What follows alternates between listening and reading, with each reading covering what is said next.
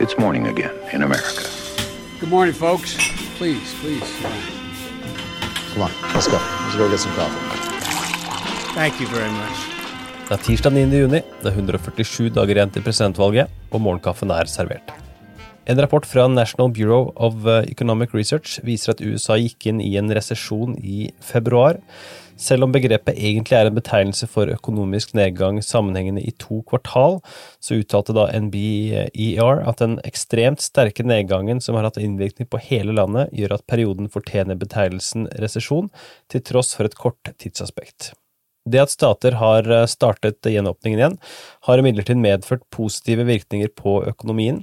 I stedet for en forventet økning i arbeidsledigheten, så falt antallet arbeidsledige med 2,1 millioner i forrige uke, og den positive utviklingen medførte igjen gode dager på amerikanske børser, som har hatt solid oppgang siden fredag. Eksempelvis har SNP 500 hatt en oppgang på 44% siden mars, og er nå på samme nivå som før koronautbruddet. Dagens andre sak, Joe Biden er ikke om bord Defund the Police-toget. Kampanjen uttaler at Biden deler sorgen og lytter til frustrasjonen blant de som demonstrerer, og at han er enig i at det er et stort behov for politireform. Likevel mener Biden at det å sikre politiet skikkelig finansiering er viktig for å kunne reformere politiet og bedre forholdet mellom politiet og borgere. Som en av de mange reaksjonene på drapet på George Floyd, så er det startet et opprop for å frata politiet deler av finansieringen som de i dag mottar. Nedfinansieringen, som omtales med det bombastiske og samtidig diffuse slagordet Defund the Police, går ut på at deler av midlene som i dag er satt av til politiet, i stedet skal investeres i lokalsamfunnet, og blant annet brukes på sosialt arbeid og investeringer i psykiatri og rusbehandling.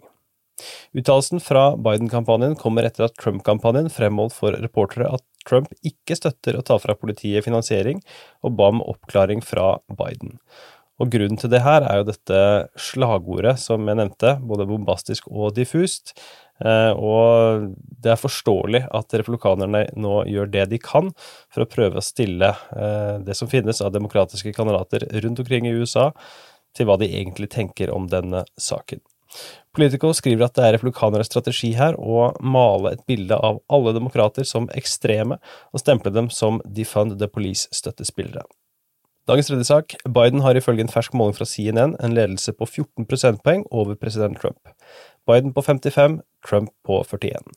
Målingen viser også at Trumps approval rating, som måler presidentens popularitet, er nede på 38% mens hans disapproval rating er oppe i 57 til sammenligning viser gjennomsnittet av approval-målingene hos 538 at Trumps approval-disapproval ligger på 41,4, 54,4.